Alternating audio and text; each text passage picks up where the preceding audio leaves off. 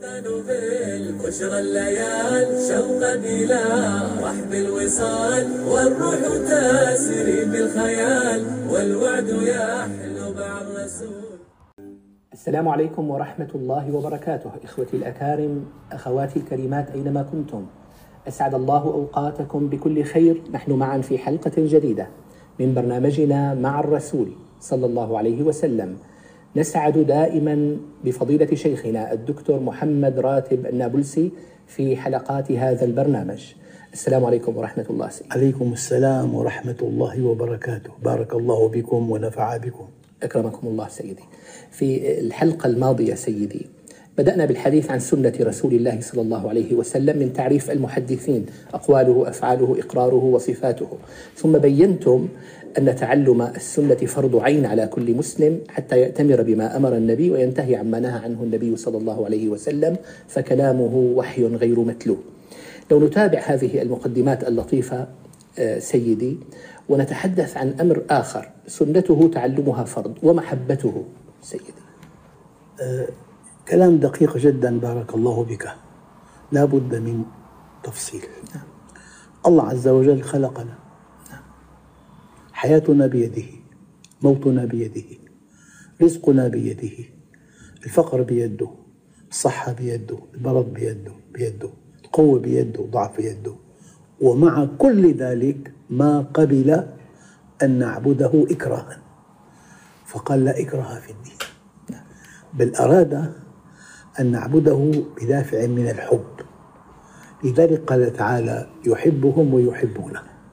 فالحب في الله واسع جدا. أن تحب الله أن تحب أنبياءه جميعا أن تحب الرسل جميعا أن تحب سيد الأنبياء والمرسلين أن تحب العلماء الربانيين أن تحب أهلك زوجتك أولادك والديك من حولك المؤمنين الصادقين المساجد الأعمال الصالحة. كل شيء ينتمي إلى الدين ينبغي أن تحبه.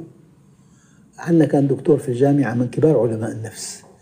في أقيم له حفل وداع يفوق حد الخيال. قال كلمة بالحفل لا أنساها. قال أي إنسان لا يجد في نفسه حاجة إلى أن يحب أو إلى أن يحب ليس من بني البشر. الله. فالحب أصل في الحياة. والله أراد الحب ولم يرد الإكراه. يعني مثلا ولو شئنا لآتينا كل نفس هداها ما كان ممكن جامعة توزع أوراق الامتحان مكتوب عليها الإجابة كاملة. والعلامة بالأحمر مية من مية اكتب اسمك فقط. هذا النجاح له قيمة أبدا. عند صاحبه عند أهله في المجتمع صفر.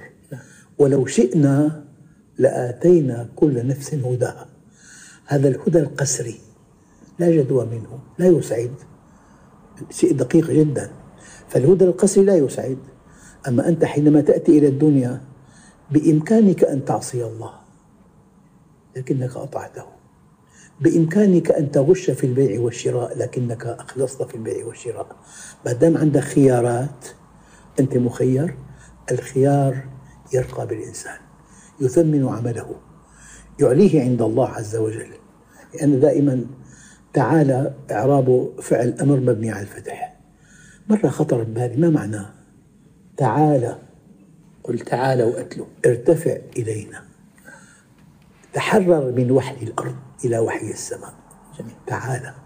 فعل أمر مبني على الفتح يعني غير أنه إعرابه مبني على الفتح. الأصل أنه الإنسان إذا عرف الله ارتفع من وحل الأرض إلى وحي السماء. جميل. من المصالح والشهوات إلى المبادئ والقيم. من معاينة أهل الدنيا إلى معاينة الملائكة. والمقربين. إذا كما أن اتباع سنته وفهم سنته فرض عين كذلك محبته فرض عين. لا يؤمن أحدكم أبدا. أكون الحب إليه ما قبل. الله أن نعبده إكراها نعم. لا إكراه في الدين. نعم. يحبهم ويحبونه. وكل إنسان لا يجد في نفسه حاجة. إلى أن يحب أو إلى أن يحب ليس من بني البشر. سيدي العلاقة بين المحبة والاتباع. هناك من يقول أحب رسول الله صلى الله عليه وسلم. يعني عسى أن تنفعه تلك المحبة لكن ليس متبعا. يعني لو فرضنا إنسان معه مرض معين مرض جلدي علاجه الوحيد الوحيد الوحيد أن يتعرض لأشعة الشمس. جلس في غرفة قميئة باردة غير مضيئة ما فيها شمس إطلاقا وقال يا لها من شمس ساطعة إن هذه الشمس شافية. هذا كله كلام لا قيمة له. إن لم يتعرض إلى هذه الأشعة لا قيمة لكلامه إطلاقا. فالبطولة أن نطبق. القرآن هناك من من يعني يتلوه أحيانا. بس بيته إسلامي دخله إسلامي أنفاقه إسلامي علاقاته إسلامية سهراته إسلامية سياحته إسلامية علاقته بالمرأة التي لا تحل له إسلامية. المنهج الإسلامي يبدأ من فراش الزوجية وهو أخص خصوصيات الإنسان وينتهي بالعلاقات الدولية. جميل. إذا سيدي منهج تفصيلي. نعم. المحبة ينبغي أن يرافقها الاتباع. قال تعالى قل إن كنتم تحبون الله فاتبعوني. يحببكم الله.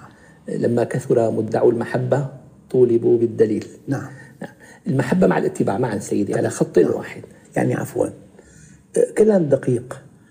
عندنا أسطوانة غاز عندنا رأس غاز. لا قيمة لهذه الأسطوانة بلا رأس. والرأس لا قيمة له بلا أسطوانة. شرطان لازمان غير غير كافيين. نعم تمام. فالمحبة محبة والاتباع اتباع اتباع حركة. عفوا المحبة ميل الاتباع حركة. الاتباع كسب مالك انفاق مالك علاقتك بزوجتك بأولادك ببناتك بأصهارك بكنائنك بجيرانك بوالديك بحرفتك مع الزبائن بالبيع بالشراء. هذا منهج تفصيلي. خمسة آلاف بند يبدأ من فراش الزوجية وينتهي بالعلاقات الدولية. هذا الاتباع. بدك تتبع منهج تفصيلي. نعم. أه، سيدي لو انتقلنا إلى موضوع يعني قريب جدا من هذا الموضوع وهو موضوع الأسوة الحسنة. الله تعالى يقول لقد كان لكم في رسول الله أسوة حسنة. كيف تتحقق هذه الأسوة في رسول الله صلى الله عليه وسلم؟ لأن الناس لا يتعلمون بآذانهم فحسب. بل لا بد من تعلم بالعين. يعني القرآن الكريم كون ناطق والكون قرآن صامت والنبي الكريم قرآن يمشي. ما لم يرى الناس اليوم إسلاما يمشي أمامهم. إن حدثوه فهو صادق. إن عاملهم هذا الإنسان فهو أمين. إن استثيرت شهوته فهو عفيف. الآن لا يقنع الناس بالإسلام إلا إنسان مسلم أمامه أما كمعلومات كقراءات كنصوص كعروض معينة لا تقدم ولا تؤخر. القدوة قبل الدعوة. الناس يتعلمون بعيونهم لا بأذانهم. يعني مثلا لو أب ما تكلم كلمة لا تليق بمكانته أمام أولاده. الأم ما زارت بيت الجيران والمدة طالت والأكل تأخر ومع بنتها. فلما الأب غضب حينما عاد أين كنتم؟ ما كنا بمحل. البنت الصغيرة شربت الكذب من أمها. إلي أنا رأيي لعل يعجب بعض الناس. أكثر أخطائنا أكثر أخطاء أولادنا وبناتنا من خطأ الآباء والمعلمين. لعدم تحقق الأسوة والقدوة يعني إذا كان معلم بدخن مثلا في مشكلة. نعم. في مشكلة. نعم. أكبر أكثر أخطاء أولادنا من الآباء والمعلمين. نعم سيدي لقد كان لكم في رسول الله أسوة حسنة. آه. كلامه تشريع حركته تشريع الحركة. نعم. يعني علاقته مع أخوانه مع أصحابه في في في القوة في الضعف في الصحة في المرض في الغنى في الفقر. هو ذاق كل هذا رسول الله لأنه هو هو قدوة ما دام قدوة عامة لكل المسلمين يجب أن يذوق الفقر والغنى معا. كل صفة بطرفيها الحادين. والقوة والضعف معا والصحة والمرض معا. أعندكم شيء؟ في بيت بالأرض ما في شيء يتاكل؟ ما في خبزة وكاس الشاي؟ لا قال فإني صائم لما صار غني لمن هذا الوادي؟ اللي هو لك. قال له تهزأ بالله هو لك. فهو ذاق الفقر والغنى معا والقوة والضعف معا والصحة والمرض معا. فهذا والجمهور حوله ما معه أحد معا. وأذاقوا الله عز وجل من كل صفة طرفيها الحادين فهو قدوة للأغنياء والفقراء والأقوياء والضعفاء والأصحاء والمرضى. تمام؟ نعم.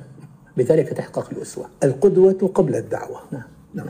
جزاكم الله خيرا سيدي وأحسن إليكم وشكرا لهذه الإفادة الطيبة. إخوتي الأكارم أخواتي الكريمات لم يبق لي في نهاية هذا اللقاء. الذي سعدت فيه بصحبتكم وقبلا بصحبة شيخنا جزاه الله عنا خير الجزاء. إلا أن أشكر لكم حسن المتابعة. سائلا المولى جل جلاله أن تكونوا دائما في أحسن حال. مع الله ومع خلقه. إلى الملتقى أستودعكم الله الذي لا تضيع ودائعه. السلام عليكم ورحمة الله وبركاته.